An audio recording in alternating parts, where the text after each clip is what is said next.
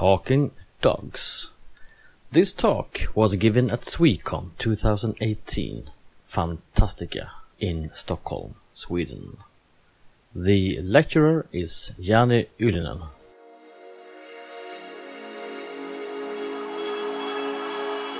Swecon-poddar. En poddradio från svenska science fiction och fantasykongresser.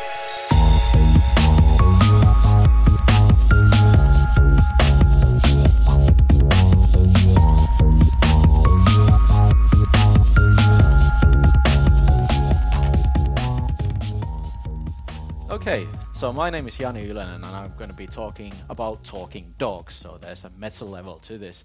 And I'm especially going to talk about canines who speak in contemporary science fiction. So I'm changing my original idea a bit since I mentioned, for example, Clifford Simak's The City, which we discussed in panel yesterday briefly, but going to concentrate more on the more recent works and canines who talk in them. But for the roughly next 30 or so minutes, I'm going to talk about dogs, technology, technology affected dogs, so to say, modified dogs, and moving through this kind of, well, poetic structure. So first, I am going to talk about dogs as speaking dogs in science fiction as they have been seen before. So slight historical take on how they have been produced in earlier fiction and in some fiction even today. Then I'm going to talk about the uncanny experience of meeting talking dogs, so how it affects people. And then, well, characters, more to say, since I'm work, working on fiction here. And then I'm going to talk about speci- specifically weaponized canines who talk. So, so to say, uh, weapons who uh, are dogs and then, of course, talk. And then I'm going to talk about the otherness of dogs that r- comes up especially in some of the recent novels where there's canines with ability to speak. And finally, I'm going to think a little bit about the future of dogs, canines in science fiction. So, first of all, of course, if we talk about fiction and literature in general, dogs talking in some fashion have been part of literature since early days from the fables from the ancient Greece to the, to the modern days. And they have been part of science fiction as well from fairly early days, from H.G. Wells forward in some form or another. Hmm? Were you, is something? No, uh, that was a question. Is there a jump between, say, the the fables and then it comes into fruition again at the 17th, 18th century, or has it been continually? Uh, they have been used somewhat, especially in the Middle Ages. Dogs were used, and others quite commonly, definitely in knight's tales as companions and so forth. So they have been used, and this fable kind of structure has been used several times throughout the history. Yes, so there is a continuity.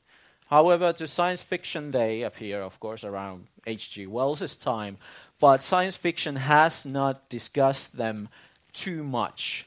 As several scholars, for example, Sherryl Vint has said, science fiction has had problem with dealing with animals in general. Just like religion, perhaps, science fiction has often thought that the futures depicted in science fiction rarely carries with them animals, so it's usually only humans who go there with their logical belief in science instead of having these companions that I've seen to run out of usefulness.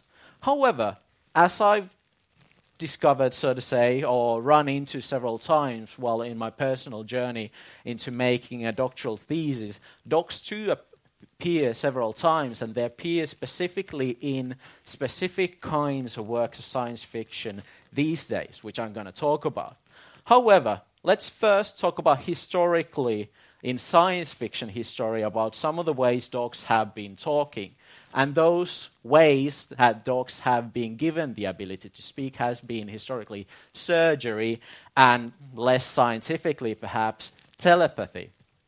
Surgery is something that was used especially in 1940s and earlier to give dogs the ability to talk. In those days, the knowledge perhaps of even human anatomy and the anatomy of canine was not that great that we actually, at least the authors, thought that uh, perhaps with slight modifications to the larynx and certain other areas, dog might be given the ability to use human language. And this is present, for example, in the earlier mentioned the City by Clifford Simak, and also probably in the most significant novel about canines in science fiction, Olaf Stapledon's Sirius, which up until I think last year is probably the only novel that has a canine protagonist, main character. And he, this otherwise enhanced dog, is given the ability to talk through basically surgery.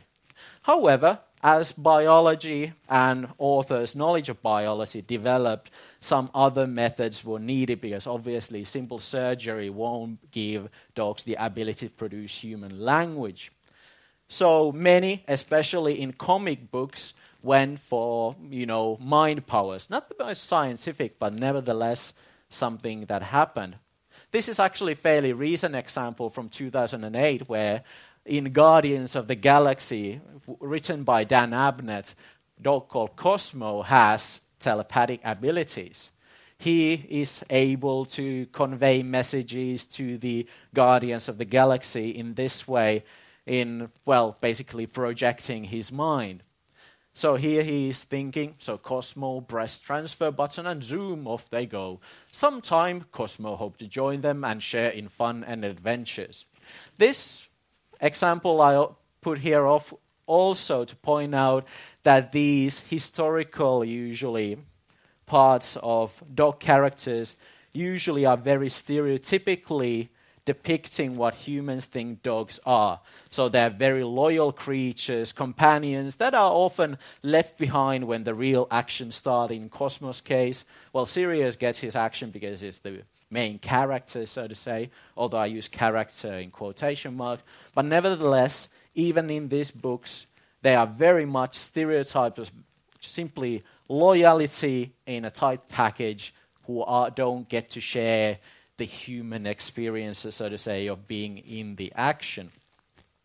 However, as said, today I'm concentrating on perhaps more modern look at canines who can talk. Canines who have been modified by fairly modern technology, for example, computers and different kinds of uh, mechanics to give an ability to speak. And here we, of course, move on to perhaps if telepathy isn't seen as classical science fiction enough, here we move to the more classical stuff. The science fiction in its close association with technology, and especially interest about what technology and human, what kind of effects does this technology have on the society.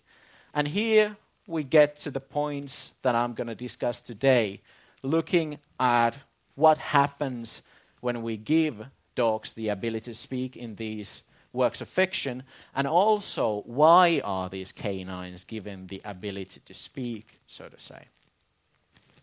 So, moving on to the examples. Usually, though, while these dog characters, as probably you will see in the future examples, have more more to them, so to say, than the old Cosmo and some other simply loyal dogs. They do follow the usual ideas what a dog is. And what one example that definitely plays out with this ex- expectation is a dog called Lin, who appears in Geoff Ryman's Air. He is quite typical dog character in modern science fiction in the, in the sense that in roughly 500 page novel this dog appears for roughly 20 pages in the middle but nevertheless have, has fairly significant role in bringing out the effects the effects of technology and how the dogs are intertwined in the creation development of technology. In the next part Lin is meets first time or Mae the main character, the human woman, woman affected by what we might call advanced internet technology, meets the Lin, the dog, for the first time. The dog that appears otherwise perfectly normal dog, except he has a dome of metal in his head which holds a computer that gives him, so to say, access to databases. You could say he has a Wikipedia in his head and also the ability to produce information from those pages. They are roughly also as credible as Wikipedia in this novel. So, Lin comes to Mae for the first time. It came closer to Mae backing her into a corner. Please let me lick your hand. I only want to lick your hand. Don't you like me? Please like me. The dog was bleeding, wanting to whimper, but the whimper was given a voice. Who will feed me if I'm not loved? So, this classical kind of very human dependent, also loyal, admiring dog is here interacting with Mae, so to say. Mae, who is horrified, but we'll get to that later. Here we see, as said, the classical idea that humans usually portray animals to have certain characteristic, characteristic that is humane characteristic, but seen as to be greatly present in animals. So, for example, independence in cats, wildness, so to say, in wolves, and loyalty is the dog's ability in this case. However, Ryman goes a bit far and makes brings out Lin as a fairly pragmatic dog. After all, it's about who will feed me, so to say. It's about food and wish for that. He can be nice while trying to acquire food, but nevertheless. But you should also notice, as mentioned, that Mae is backing into a corner, and there's description further about how horrified she is of the appearance of a talking dog. After all, speech, the ability to talk uh, in human history, has been classically classified as essential human ability. So something that separates us from them.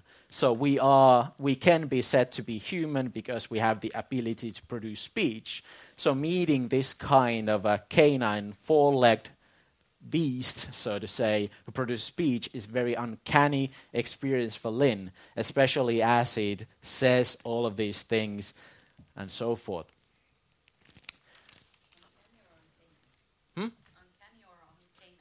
Well, you could say both, yes, in this case. Uncanine as well, yeah. It's a wonderful wordplay that I will use it, you know, I will steal it for future use from that one. But yes, so we here see Lin here in this case.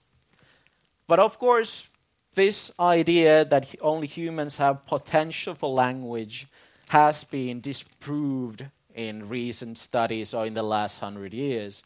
We have discovered birds to have language, but rarely we envision dogs to have language of their own.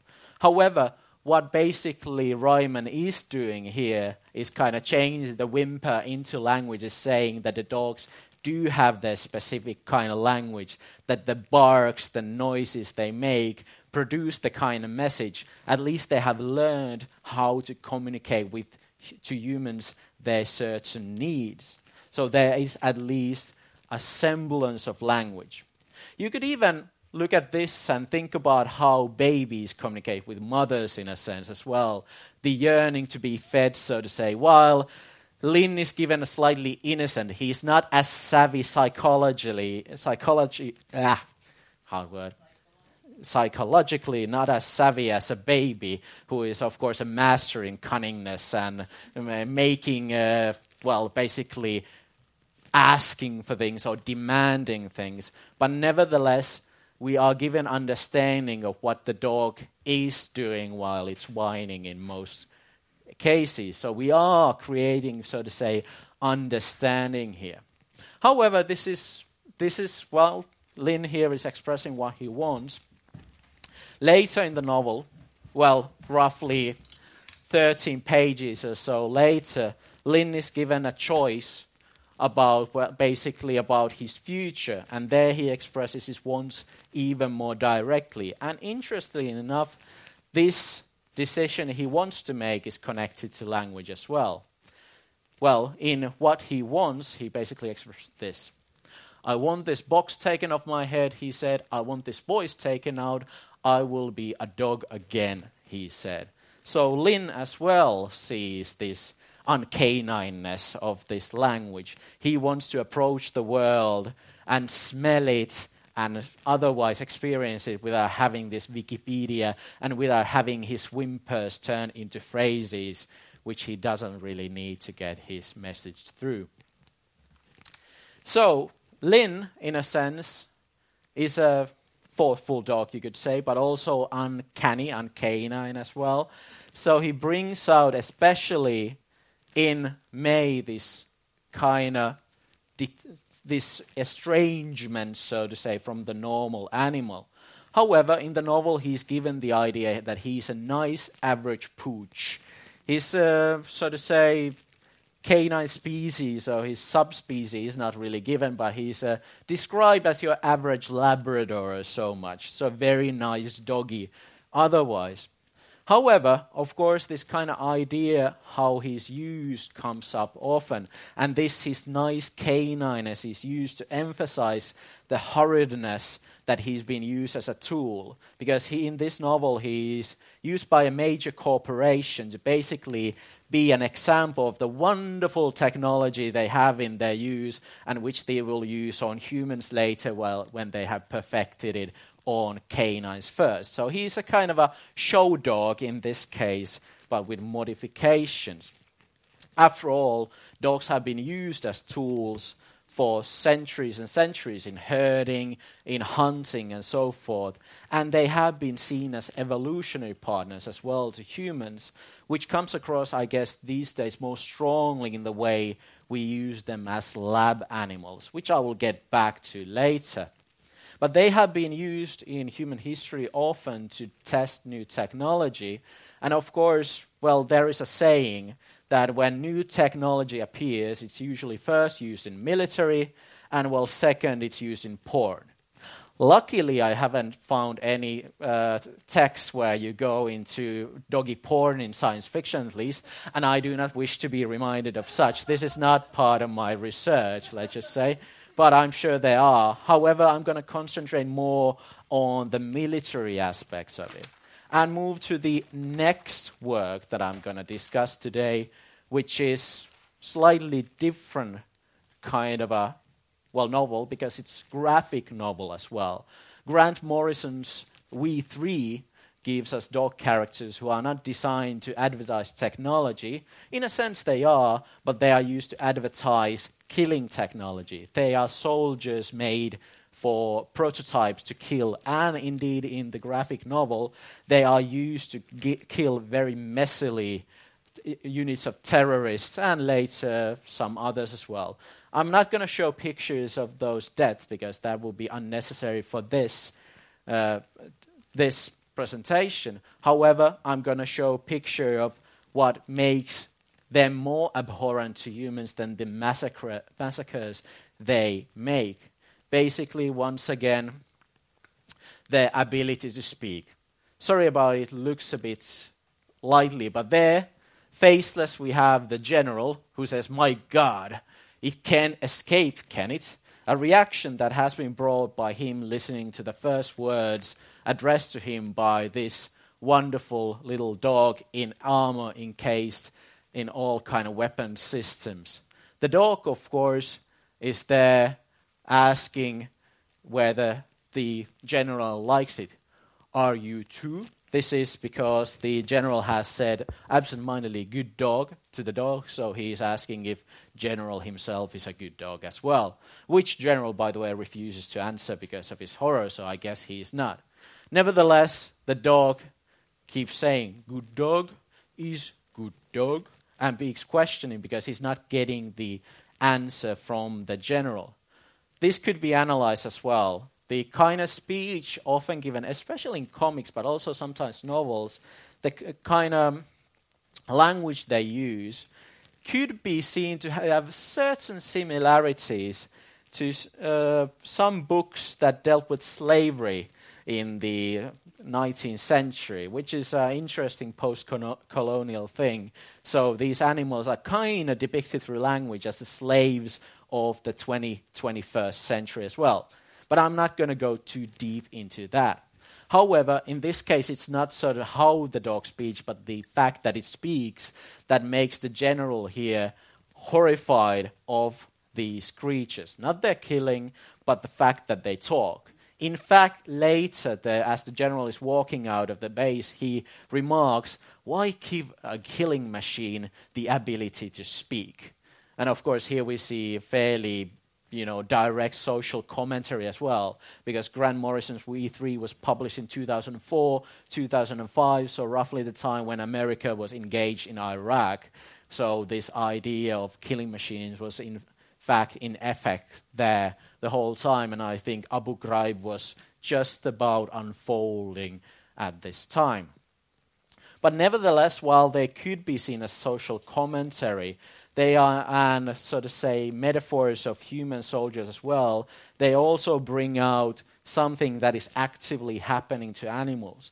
I mentioned the use of canines in labs to test new technology.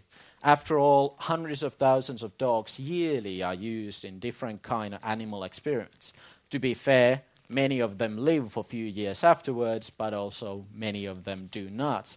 So these kind of here especially this graphic novel is very strong in bringing these animals forward and so to say showing so to say or imagining what happens in those labs and creating these very sympathetic characters to look at and they remind of the importance of dogs have had in development of technology in recent years they have been so to say as for example Scholars like Donna Haraway said that dogs have been partners in crime in human evolution. However, the crime has mostly been made by humankind, you could say, in this case.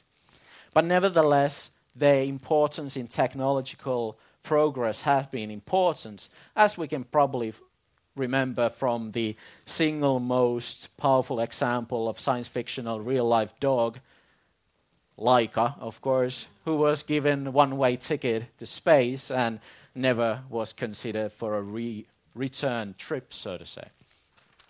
Similarly, well, luckily, well, I will spoil it this much. In We3, they are given, so to say, a ticket at least partially out of the experiment, but nevertheless, it, the so to say, their fate is somewhat similar.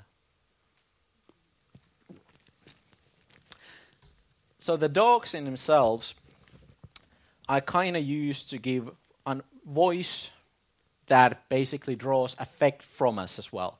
Laika didn't get to have his voice heard too often then, and definitely not afterwards. But these dogs that talk basically are breaking down barriers, so to say, in these novels and these graphic novels between the ideas of separation of human and animal. So, this ancient dichotomy, this binary opposition of these two that has been formed in, the, uh, in philosophy to basically often also make justify how we treat animals around us and they make reader definitely feel strongly and give voice to also the so to say dog experience however there is, of course, problem with these displays, and there is very anthropomorphic, so very humanized in often cases. But nevertheless, they bring out the ideas of what rights do we have to experiment on such animals, and also, you know, str- strongly criticize science, as many scholars who have researched criticism of science, as Susan McHugh has said, dogs have had in real life very important role in bringing up these problems, ethical problems that animal testing has. After all, we are more likely to feel empathy towards, say, dogs than, for example, rats or mice that are constantly used as well, the second most popular subjects for experiments. But while this uncanny effect can be used for say, in this social role, in the novels that it's often used also to uh, the power of, so to say, the bad people in these novels. So while the general in We3 decommissions the project of these animals and gets into court martial for it later, sometimes they are used this ability to talk and their uncanny effect, uncanine effect, is used by scrupulous people in novel. Sorry. And the next novel I'm going to talk about is fairly recent one, where we see once again weaponized dogs. This is Adrian Tchaikovsky's 2017 published Dogs of War, so fairly recent novel where, so to say, uplifted dogs, so walking, powerfully weaponized dogs are used as, so to say, experimental war units. And once again, while they perhaps would not necessarily need. This voice, they are given voice for very specific reasons to create this uncanny effect in those they are fighting, and also sometimes it's simply scaring some people who might oppose the project. Here, the dog, the biggest dog, or the main protagonist. This is, by the way, the second novel with dog protagonist, so main character, so to say. So I would, uh, at least what I've found. So there's roughly 70 year gap between the two novels that could be said to have as strong dog character in them, or as major role in a novel, certainly. But Rex here comes at the bidding of his master to scare people with his presence, but also especially his voice. Here he addresses a person he's supposed to scare. Hello, Elena Santo. The voice was calm, accentless, a little robotic, broadcast from Rex's implants not his throat. It also wasn't Rex's real voice. That was rough and growling and deep, pitched at a frequency that could turn your bowels to water. Hannah remembered all the work Murray had put into choosing that voice. I enjoy working with people, Elena Santo, said Rex's polite robot voice. So here, he has been given actually several voices in a sense, directly selected, so to say, to fit different purposes, whether to appear nice or in battle to scare the enemies. And while this is interesting, I think you have to also give credit to uh, Adrian Tchaikovsky for also kind of cleverly talking about how, of course, every time we see a dog in a novel speaking, it's given voice by the author from certain humane, so their anthropomorphized perspective. And Tchaikovsky, while gives the voice to the dog, dog, is aware himself that he is putting forward his stereotypes of what probably dog, how would dog communicate, and so forth. And he doesn't also forget the specialities of dogs like some other writers before have done.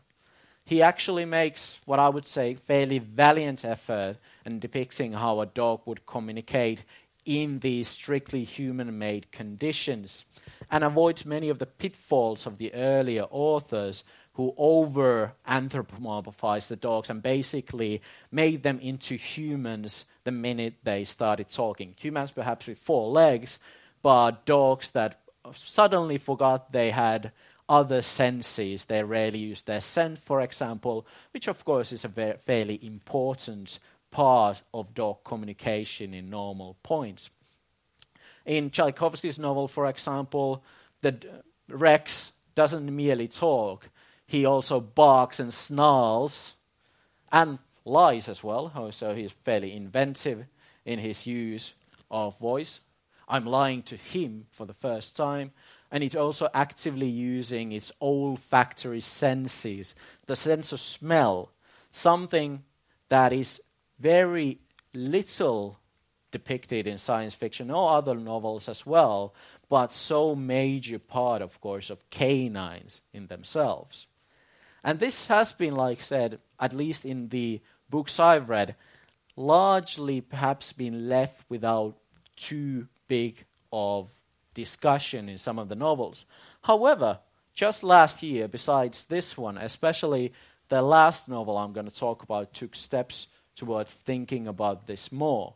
The Moon and the Other by John Kessel has a very interesting, uh, once again, uplifted dog character called Sirius. And this is actually very conscious reference to the novel from 70 years before, to the very Olaf Stapledon's very good attempt at writing Dog, which was based, of course, in the ideas, the philosophy of those days, and now updated, so to say, to the new world where we know more and actually, well, we think we don't think we know as much as before, but know more than we did then. The assumption, so to say, has been taken, and we see dogs perhaps differently these days. Sirius, in this case, is not a warrior dog, so to say, as Rex is. He's not weaponized. Interestingly enough, he's a reporter. He hosts in this novel a reality show and a, basically a kind of a he's the Graham Norton, so to say, of the future world in a dog form. Actually, John Kessel has said that he drew inspiration from Graham Norton for this role. And he's described not so much as a hybrid or a dog in themselves, and even in the novel, he's not seen strictly according to human rules. As the person who basically owned him described him, Sirius was a dog. His motives did not translate into human terms. So basically, here, Kessel goes as far as depicting Sirius as a creature that we cannot really understand because it has so different kind of way of thinking. Although given superior intelligence and so forth, there are things after all that separate it from what we might call normal human or even dog in this world. This perhaps comes across in the next small piece where Sirius is talking to a human. He's very sarcastic, which of course seen as a slightly human thing. It's, you rarely see sarcastic animal characters, especially sarcastic dogs. You see sarcastic cats often, but not sarcastic dogs, definitely. So sarcasm is something seen as a, a kitty uh, thing, not doggy thing. Oh dear, nihilism. The dog sounded like he was choking, but he was laughing. Don't take me too seriously, Fido. I believe in lots of things. Scent. I believe in scent. You, for instance, reek of cowardice. I smell your egotism, your rage, your fear, your sentimentality, your self delusion. Here, the olfactory senses of the dog is given real power in this sense. Kessel plays with the villainous potential of dog here, the ability to smell fear, which of course is a very powerful thing in itself, and with the fact that he doesn't need to listen see but use those other senses he has. Also, he plays around with how Sirius produces talk, joking, but he was laughing. So we know he's laughing only because we assume these things. But nevertheless, this is an aspect that I think science fiction hasn't discussed too often the ability to smell, and I think there's huge potential here, at least to me, as dogs can, for example, smell cancer, that is a very thing of science fiction, at least to my ears, something unfathomable to humans. You could see here, perhaps, that perhaps there's so much potential to be discussed about dogs and their otherwise their characteristic, their abilities, that perhaps we don't need to imagine talking to aliens in space anymore we can imagine what it would be to really communicate with the creatures of our planet. But yes, so Sirius puts into question where we can really understand dogs and what is, of course, in, from a reader's perspective, how much potential dogs have. And Kessel and also Tchaikovsky take into account, so to say, discuss the impossibility of writing a dog. However, the efforts they make in it, while perhaps failing to a certain degree, is valiant and can cause us to rethink our relationship with the canines of the world. What are they really thinking? How do they perceive the world? How is it different from us? And in that, I think they do an important part. While the old dog character from Sirius to especially Clifford Simak's The City used dogs, so to say, to understand humans better. The dogs in more recent novels see this world more connected. It's not us anymore that needs to be understood, but also our relationship with the other species that we have developed with and also come into this world and we're constantly interacting. So you could say post-humanist view of dogs where we are not longer basically seeing them as somewhere far below us, but in superior in different ways as well. For example, in their olfactory senses. So there is potential to this, and the especially in literature, you could see the dog's potential to make us think about uncannily about different things. Like we can see, for example, in the next quotation where I return to Geoff Ryman's Air, where a passerby sees, hears Lin talking for the first time. Your, your dog is talking, said the man. Tuh, was all he said, the sound of his world changing suddenly for real. So perhaps there is room for thinking about our relationship with animals differently, and science fiction can, with its speculative fashion, take steps towards that and make us think more of our relationship with this world and its inhabitants. Perhaps the next time we think about shooting animals or humans into space, we think about shooting them there together because personally, I have I don't see how we could survive in space without some kind of companions as well.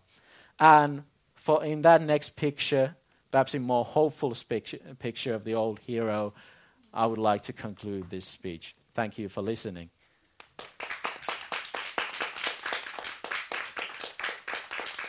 And here you can see the works I discussed here, and I can put another slide where there's further doggy reading in science fiction from the next part. I'll just put this one here.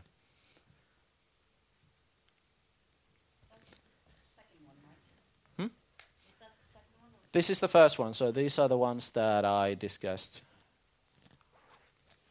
now.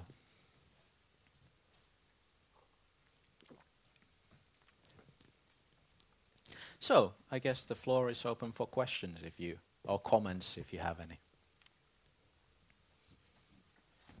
And I'll just put more books with dogs on the screen. Um, you've been discussing dogs in fiction. Uh, you haven't uh, given much thought about. Uh, I was thinking about TV series and movies. The only dog I can think of is the one in Star Trek Enterprise. He's got a dog, mm. but I, I mean, um, I, I, think that's the one. No, it's not the yeah. beagle. Yeah, he's got a beagle. Uh, oh yeah, yeah, yeah, in yeah. Star Trek there. Yeah, yeah, yeah, yeah. It's got a beagle.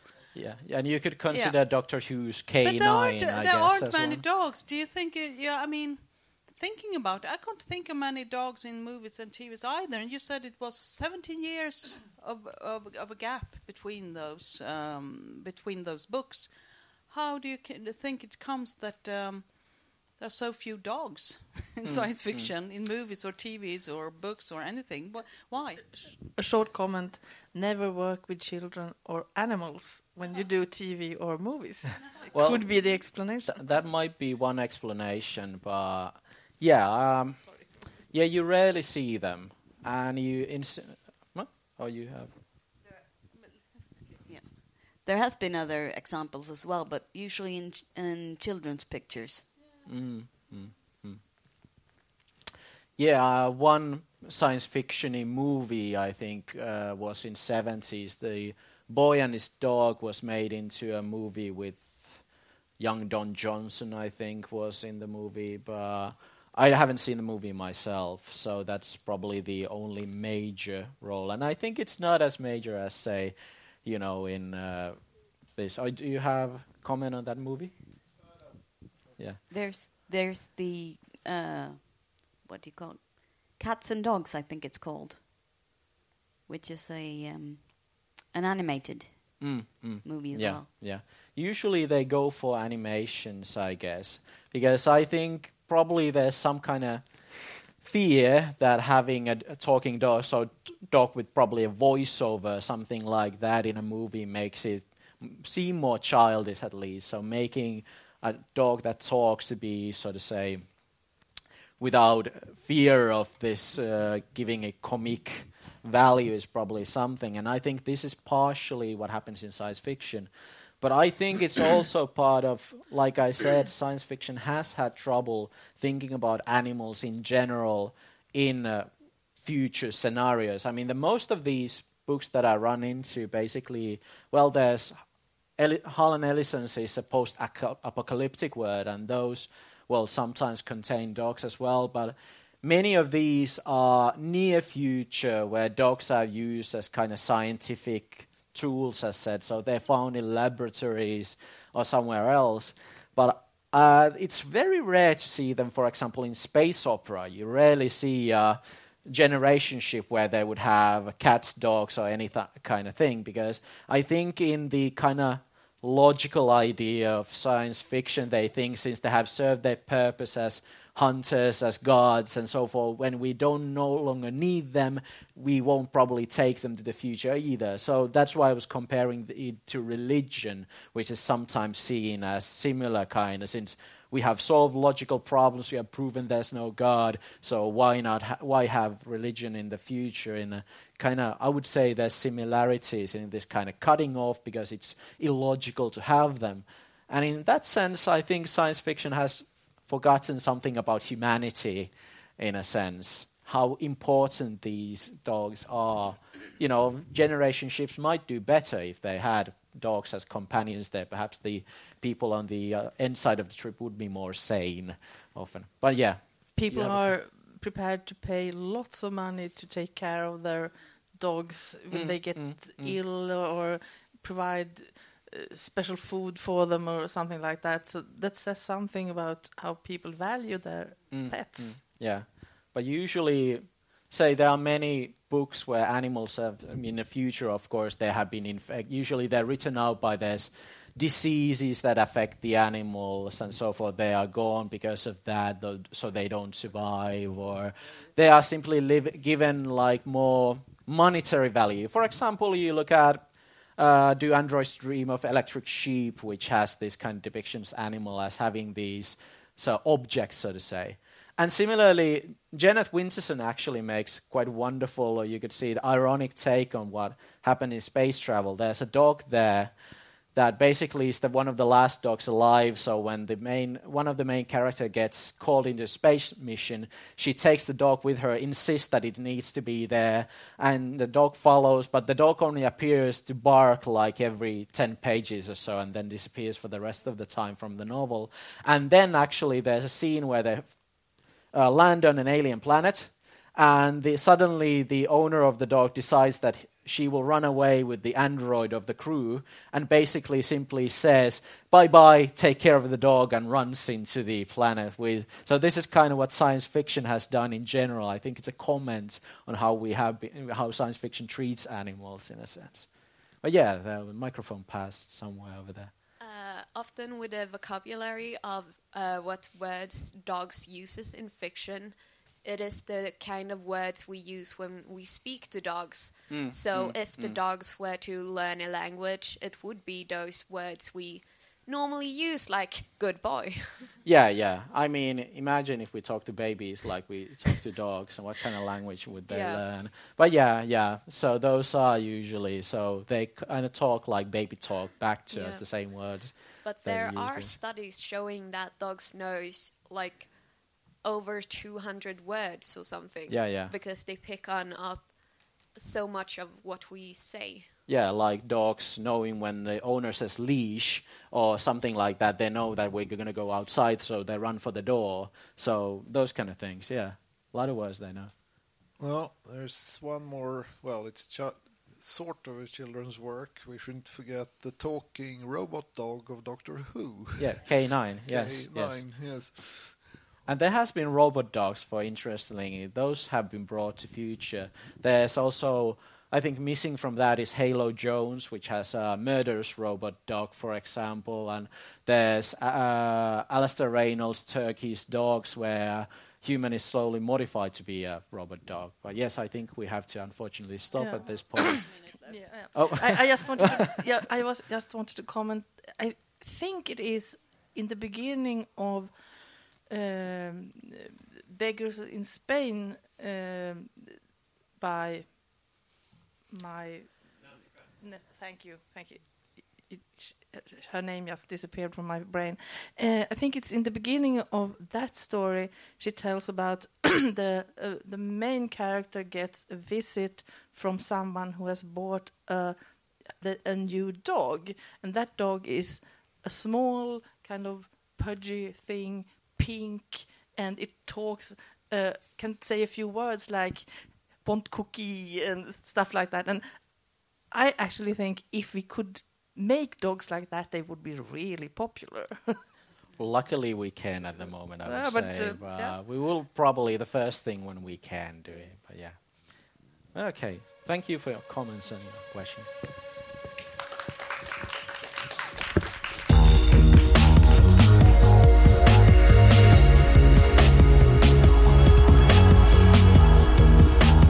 Musiken av Psychedelic Pedestrian från Free Music Archive.